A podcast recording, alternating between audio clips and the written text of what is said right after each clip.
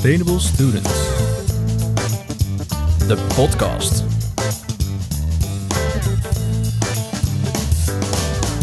Welkom bij Sustainable Students, de podcast waarin we jou alles vertellen over wat er in de wereld van duurzaamheid speelt en de connectie maken tussen studenten en bedrijven. Ik ben Paul En ik ben Thomas. en vandaag gaan we het hebben over geld. Ja, Maand eh, Thomas, waar komt jouw studie eigenlijk eh, binnen? eh, mijn studie die komt binnen op een rekening van de ABN AMRO. Nou, dus toevallig, eh, die van mij eh, namelijk ook. Eh, ik vraag me wel altijd af, zouden ze nou veel geld aan ons verdienen? Nou, als ik zo naar mijn rekening kijk, dan, dan denk ik dat het heel erg tegenvalt. Maar ik denk dat er bij wat rijkere mensen of misschien bedrijven wat meer geld te verdienen valt.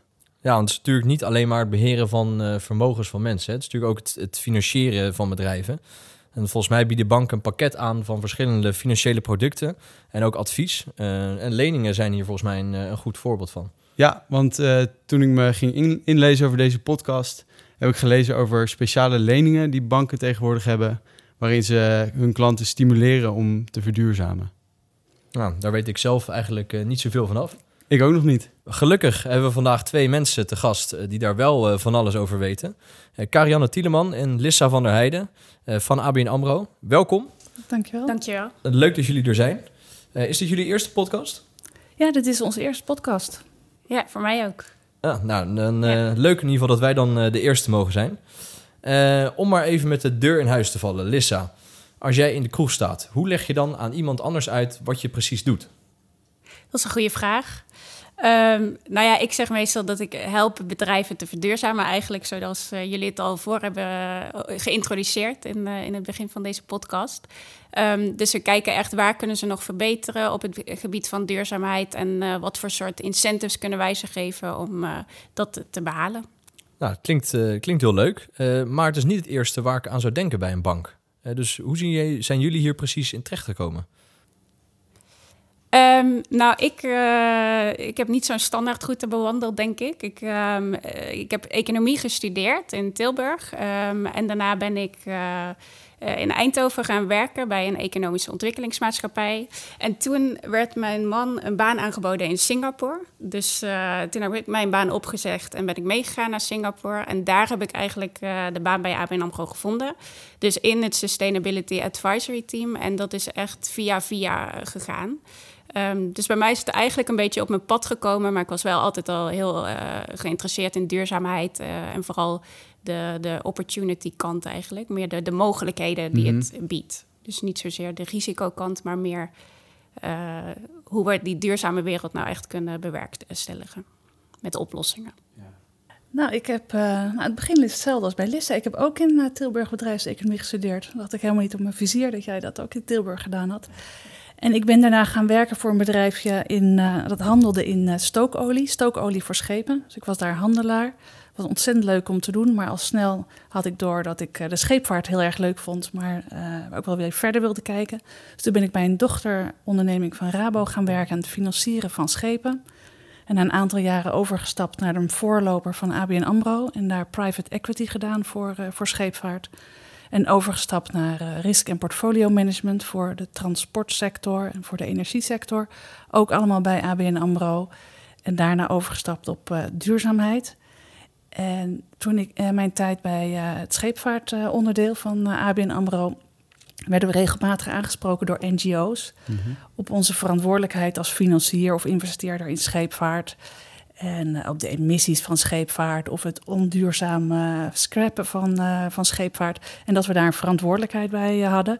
Nou, in eerste instantie zagen we dat niet zo heel erg, maar na verloop van tijd zijn we gaan denken van ja, we kunnen eigenlijk niet aantonen dat onze, onze klanten het heel erg goed doen op het gebied van duurzaamheid. En toen zijn we de eerste questionnaires gaan ontwikkelen, die we zijn gaan gebruiken in eh, due diligence voor klanten. En dat, zijn eigenlijk, dat is eigenlijk de voorloper geweest op de tools die we nu ook gebruiken als bank. Hoe lang geleden was dat ongeveer? En dat is denk ik in eh, 2011, 2012 geweest. Ik ben wel benieuwd van wat is duurzaamheid eigenlijk in de ogen van ABN AMRO? Dat is een hele mooie filosofische, filosofische vraag. Nou, we hebben, ik vind onze purpose van onze bank eigenlijk wel een, eh, een mooi voorbeeld. In 2018 is de bank echt ehm, nog erger zich gaan richten op, uh, op duurzaamheid. Met een nieuwe purpose: Banking for Better for Generations to Come. En duurzaamheid is eigenlijk uh, alle activiteiten die je nu ontplooit, uh, waarbij je rekening houdt met de generaties die na je komen. Dus dat je alles wat je achterlaat, of de footprint die je achterlaat, uh, dat dat dezelfde is van toen je nou ja, begon aan die activiteiten. Ja. Dus je er, dat je rekening mee houdt wat voor effect dat heeft op de tijd die, die na jou komt. Ja, en waarom wil een bank eigenlijk daar überhaupt uh, iets aan bijdragen? Een bank verstrekt natuurlijk in principe gewoon uh, financiële middelen aan, aan bedrijven. Dus waarom zou je daar iets aan bij willen uh, dragen? Ja, nou dat is best een lang, lang traject geweest. En ik denk dat, ehm, nou, ik weet dat ABN AMRO al vrij vroeg, um, ik denk in het begin van de jaren 2000 zich al bezig hield met duurzaamheid, maar dan vooral keek naar hebben we geen onnodige risico's in onze portefeuille? Begrijpen we die risico's wel op het gebied van, van duurzaamheid? Maar na de financiële crisis, hè, waar de banken toch ook wel een, uh, een rol bij hadden en ook flink onder het vergrootglas lagen, hebben we ook wel gekeken van wat is eigenlijk onze rol als bank en welke rol willen we spelen in de samenleving. Nou, toen hebben we um, in 2018 uh, na lang beraad bedacht van wij willen ervoor zorgen dat we een bank zijn die ook met de generaties van de toekomst rekening houdt. En we gaan ons inzetten om klanten te helpen met verduurzamen. Dus het is een intrinsieke motivatie, ehm, waarvan de oorzaak nog ligt in misschien de crisis die, die daarvoor lag. Maar naast die intrinsieke motivatie zijn het ook de regelgevers, de regelgevers van banken, die nu ook echt heel erg sturen op dat banken wel voldoende kapitaal beschikbaar stellen voor duurzame projecten. Dus de ECB en uh, de European Banking Authority, die uh, vaardigen nu regels uit om ervoor te zorgen dat wij wel goed rekening houden met klimaatrisico bijvoorbeeld. Maar ook dat we geld beschikbaar stellen voor de Green Deal, waar de Europese Commissie het over heeft. En wat zijn voorbeelden van uh, die regelgeving? En dat er, voor, nou, er wordt bijvoorbeeld, uh, uh, er komen regels, die heten de EU Taxonomy. Dat zijn definities, een, een set van definities aan wat is nou precies duurzaam en wat mag nou het stempel duurzaam dragen. Dat was natuurlijk ook een vraag die jij al stelde: van wat, wat is in de ogen van ABN Amro duurzaam? Kan natuurlijk in uh, iemand anders ogen weer heel iets anders zijn.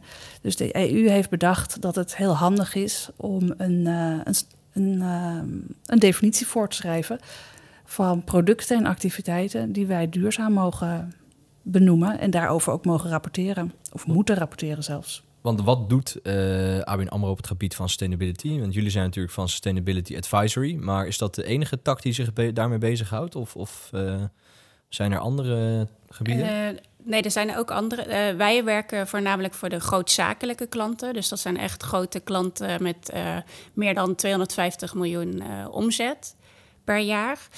Um, maar daarnaast hebben we ook de Commercial Bank. Nou, dat zijn eh, voor iets kleinere bedrijven, SME-bedrijven, MKB-bedrijven. Uh, zij hebben ook een eigen sustainability afdeling. Um, en we hebben een private bank, dus die kijken meer naar du duurzame investeringen. Um, dus zo hebben we in al die takken in de bank uh, verschillende duurzaamheidsteams eigenlijk, die net een andere focus hebben. Oké, en jullie houden ze natuurlijk specifiek bezig met Sustainability Advi Advisory. Ja. Uh, en wat houdt dat dan precies in? Wat voor activiteiten hebben jullie uh, allemaal? Uh, eigenlijk hebben we een drietal activiteiten. Dus aan de ene kant um, risicomanagement. Dus kijken of klanten echt aan ons duurzaamheidsbeleid voldoen. Um, en daar helpen wij onze commerciële mensen bij om dat voor hun klanten goed in kaart te brengen. Um, dan sustainable finance, zoals wij dat noemen. Dus dat zijn echt de duurzame leningen. Uh, en wij richten ons alleen op de, de leningen. Uh, we hebben ook een team dat zich bijvoorbeeld op duurzame obligaties uh, richt. Maar voor ons is dat echt de leningenkant. Um, en een derde activiteit is meer promotie van de sustainability-strategie van de bank. Zowel intern, dus echt trainingen geven aan, aan onze commerciële mensen. Op zowel dat risicostukje als het sustainable finance stukje. maar ook extern, dus dat we in allerlei duurzaamheidsplatformen participeren. Um, nou ja, bijvoorbeeld op het gebied van shipping doen we dat. dus ook om de, de, de, de reputatie van de bank, zeg maar, extern meer te promoten. En ook om in de sectoren waarin we actief zijn, om daar echt proberen om de duurzaamheidsstandaarden te verhogen als bank heb je natuurlijk best wel wat, wat leverage op, uh, op klanten. Want we hebben toch, we brengen kapitaal, uh, we brengen uh, funding voor, voor projecten. Dus dan mag je ook wel wat verwachten dat er iets van tegenover staat. Dus als wij daar een gesprek over hebben, over nou, we willen wel graag dat je het op een duurzame manier inzet. Dan kunnen we die, die leverage, zoals we dat zelf noemen, kunnen we ook wel gebruiken. Kan die klant dan niet dat kapitaal bij een andere bank, die bijvoorbeeld die eisen niet stelt, ophalen? Dat zou ook kunnen, ja hoor. Dat kan ook. Ja hoor. Maar, uh, maar gelukkig zien we wel dat steeds meer banken ook dezezelfde standaarden toepassen. En natuurlijk zo'n mm regelgeving die daar aankomt, die helpt daar ook bij. Ja. Um, maar ja, het is wel af en toe dat wij bijvoorbeeld nee uh, zeggen, maar dat een andere bank dat misschien dan wel uh, wel die lening verstrekt. Ja. Maar het is ook wel heel mooi om te zien dat veel van onze klanten dezelfde ambitie hebben. Ja. die zien natuurlijk ook uh, die, het onderwerp duurzaamheid leeft overal. Het leeft in de samenleving. Het leeft bij jullie als uh, duurzame studenten. Eh, Zeker. Maar het leeft ook bij, bij bedrijven. We horen elke dag uh, nieuws over, of feiten over klimaatverandering. En wat we eigenlijk allemaal zouden moeten veranderen om, om ervoor te zorgen dat die klimaatverandering binnen de berken blijft. Dus ook onze klanten zijn geïnteresseerd in hoe kan ik mijn, mijn business zo organiseren dat het op een de meest duurzame manier gebeurt. En als wij daar uh, op kunnen samenwerken, is dat natuurlijk perfect. Uh, misschien uh, leuk om dan even in te zoomen op een van die sustainable, op dat sustainable finance gedeelte waar je, het, waar je het over had. Want een van de dingen die daaronder valt zijn green loans, toch? Ja. ja wat, wat is dat precies? ja, bij groene, groene leningen, daar mag de lening echt alleen gebruikt worden voor groene projecten of activiteiten of assets, zoals gebouwen bijvoorbeeld. Um, en die lening die moet dan voldoen aan bepaalde uh, standaarden om hem echt groen te kunnen noemen. Uh, er komen ook extra um, voor, de, voor de, het bedrijf dat de, de, lening krijgt, zeg maar. Die krijgt ook extra. Um, eisen, of zo. eisen, ja. Oh, extra criteria eigenlijk ja, waaraan ze moeten voldoen. Um, ze moeten bijvoorbeeld jaarlijks rapporteren of ze dat geld wel echt gebruikt hebben voor dat, uh, dat project wat ze hebben gedefinieerd. Um, dus het is echt alleen voor dat project mogen ze dat gebruiken. En dat zijn dus bijvoorbeeld uh, zonneparken, windparken. Ja, of uh, gebouwen die heel duurzaam zijn, die een bepaald uh, duurzaamheidscertificaat hebben.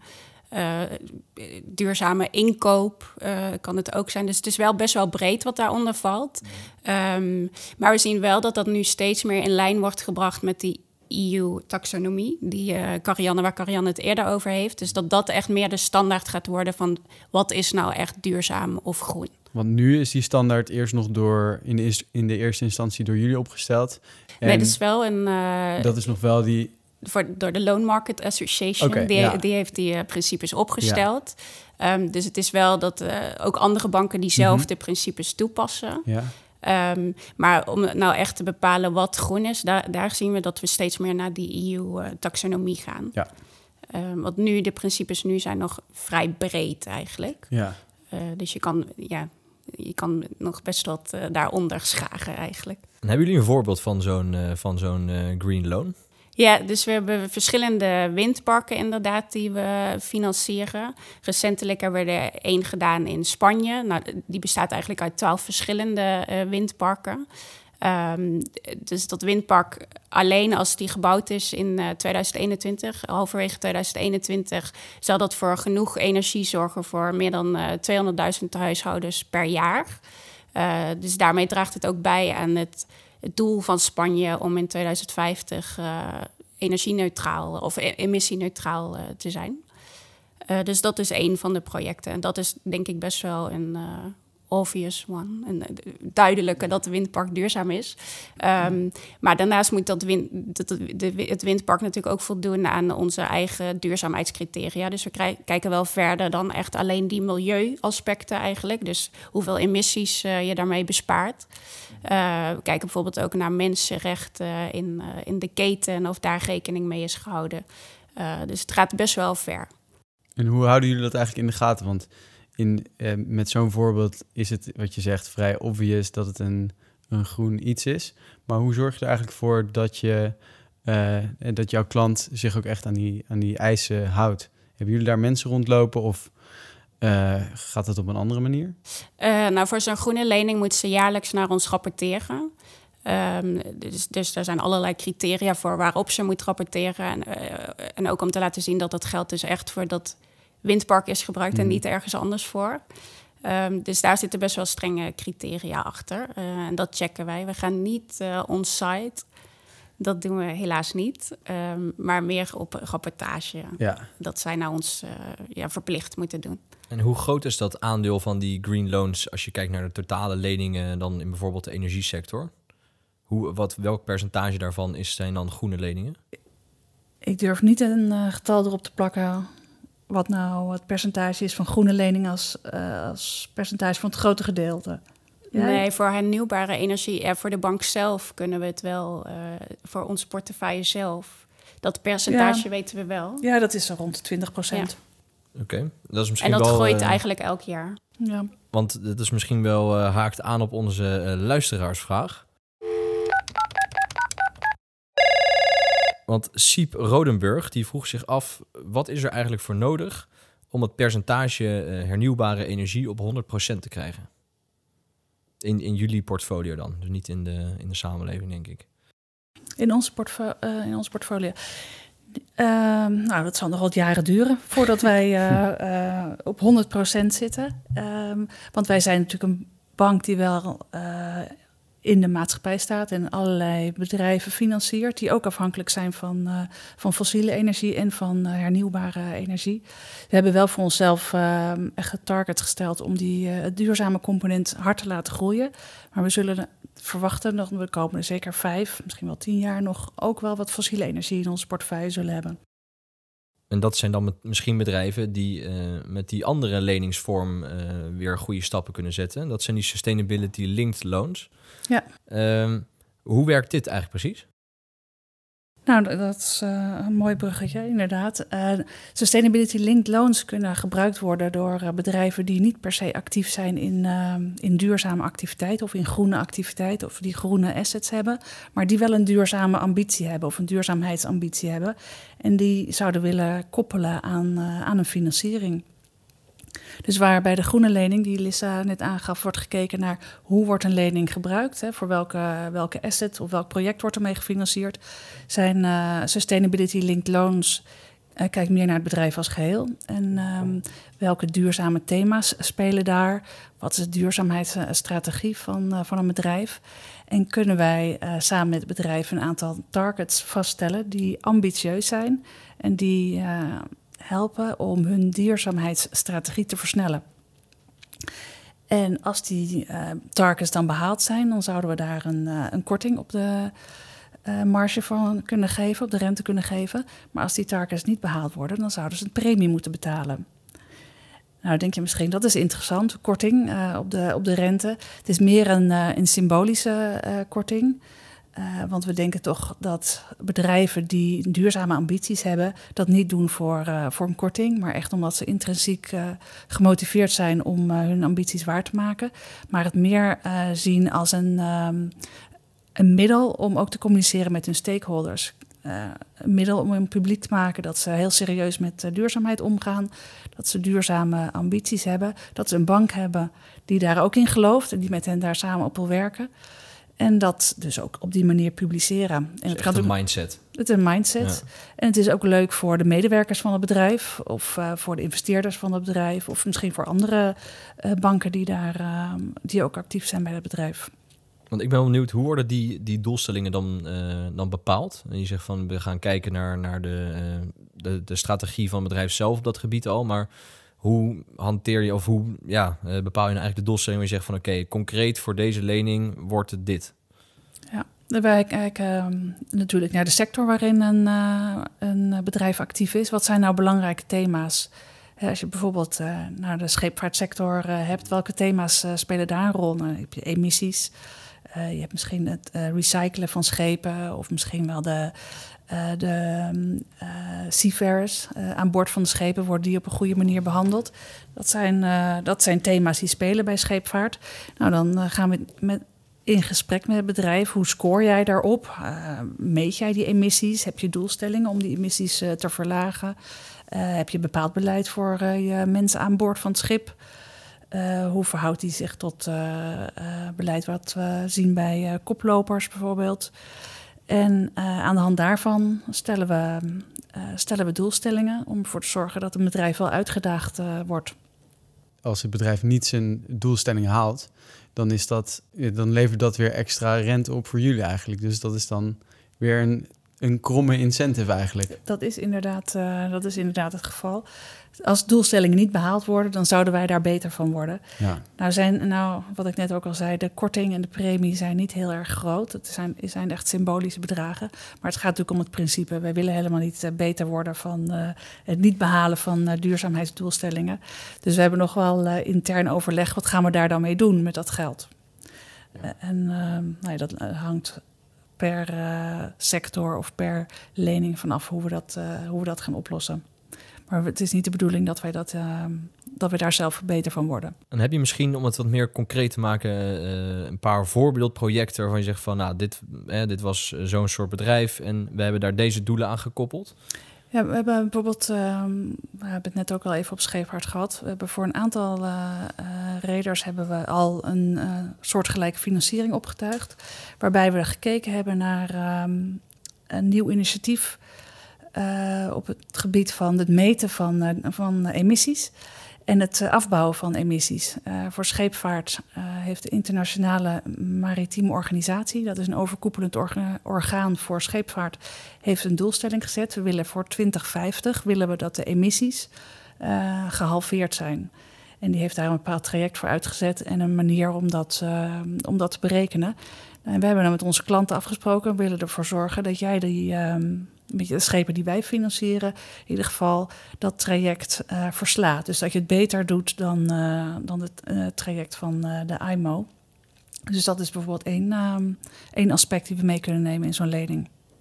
En heb je ook misschien nog een, een, een ander voorbeeld, behalve de scheepvaart? Lissa, misschien heb jij een, een voorbeeld nog? Uh, ja, bijvoorbeeld meer in de food en retail zien we vaak um, dat we een percentage zetten op de duurzame inkoop. Dus bepaalde uh, producten die een uh, duurzaamheidscertificering moeten hebben, bijvoorbeeld een beter leven keurmerk, zou je dan aan kunnen denken. Um, en dat percentage willen we steeds hoger laten worden. Um, verder, ja, emissies zien we vaak. Um, het aandeel hernieuwbare energie dat ze gebruiken in een energieconsumptie.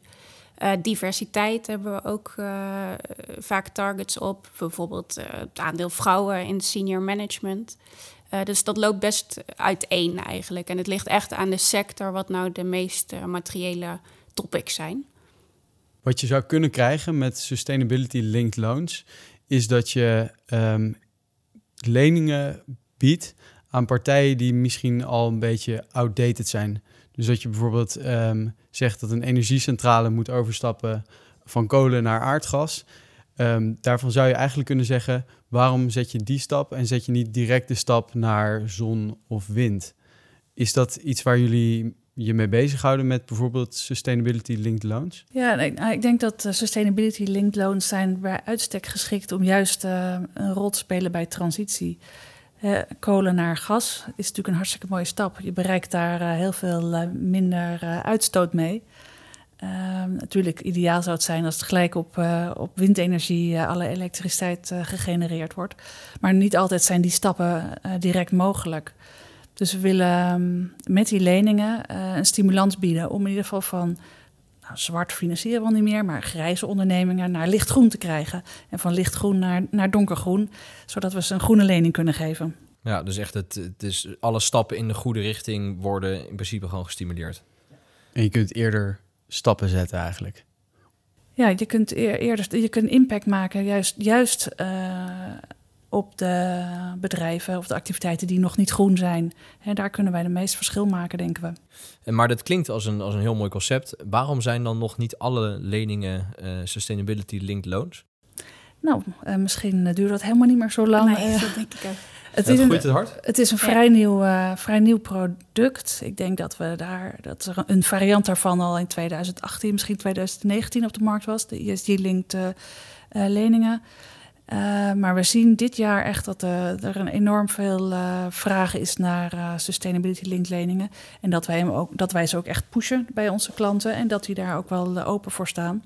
Dus ik verwacht echt dat we volgend jaar nog meer, een nog groter aandeel van de leningen een link hebben met duurzaamheid. Ja.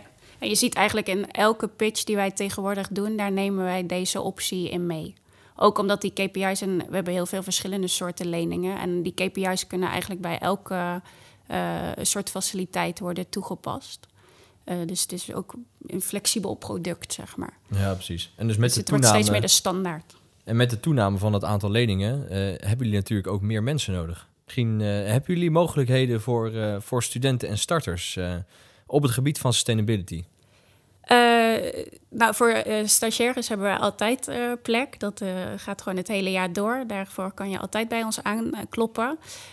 daarnaast heeft de bank traineeship. Er zijn allerlei soorten traineeships. wij zelf vallen onder structured finance.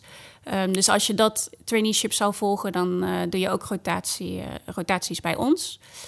Um, dus dat zou de directe aanleiding zijn. De andere business lines uh, hebben ook uh, soortgelijke uh, traineeships. Dus, en ook weer bij de andere business lines, wat Lisa net ook zei, komt duurzaamheid ook aan bod. Dus er zijn mogelijkheden genoeg. Die kunnen we dan hopelijk op de website terugvinden. Dan hebben we als terugkomend item altijd de recyclevraag. Recyclevraag. En deze komt dit keer van onze vorige gast, uh, Bodien en Jet van de Broeikast. En zij hadden als vraag... In hoeverre ervaren jullie weerstand bij de implementatie van duurzame strategieën in een bedrijf zoals ABN AMRO... wat ja, voornamelijk gefocust is op uh, ja, winst maken? Ah, een hele goede vraag. Het duurt wel eventjes voordat uh, je iedereen meekrijgt op het gebied uh, van, uh, van duurzaamheid. Want er wordt ook nog wel gedacht, kunnen we überhaupt wel geld verdienen aan, aan duurzaamheid? En uiteindelijk moeten we toch als bedrijf wel, wel winst maken. maar we zien de laatste tijd dat dat, ehm, dat dat enorm gedraaid is en dat we veel minder weerstand en zelfs heel veel promotie binnen bedrijf ervaren op het gebied op, op dit onderwerp. Uh, in de maatschappij leeft het onderwerp natuurlijk heel erg. Bij onze klanten leeft het uh, natuurlijk heel erg. En er zijn gewoon heel veel business opportunities op het gebied van uh, duurzaamheid. Er zijn zoveel investeringen nodig om alle bedrijven en alle gebouwen klaar te maken voor de transitie of voor, voor duurzaamheid. Dus er is echt wel, ehm, echt wel heel veel leuks te doen om samen met onze klanten op te pakken. En zodra collega's dat zien, ja, dan raakt iedereen eigenlijk wel, wel enthousiast. Dus in het begin was er wel weerstand, maar het, uh, het neemt heel sterk af. Dan uh, gaan we nu naar uh, de volgende recyclevraag. Want volgende keer is bij ons te gast, en dat is dit keer zelfs al over een week, Lowlander Bier. En die zijn te gast voor onze kerstspecial. En Thomas, waar gaan zij het over hebben?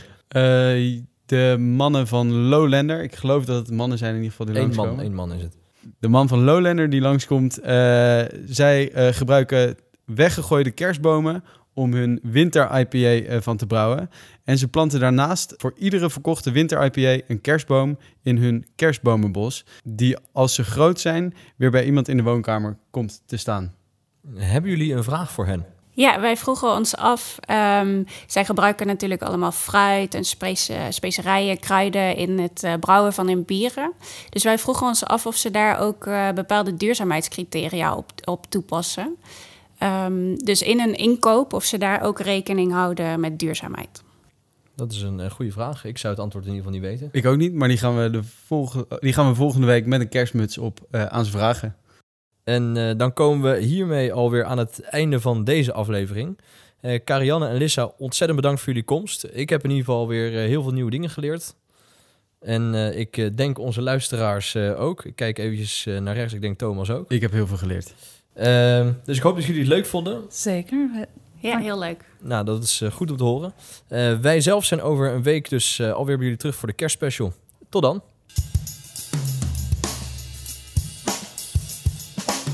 Heb je nou vragen over het onderwerp of aan ons? Of heb je een suggestie voor een nieuwe gast voor bij ons op de show? Laat het ons weten via de website, Insta, LinkedIn, wat je maar wil. Tot volgende keer.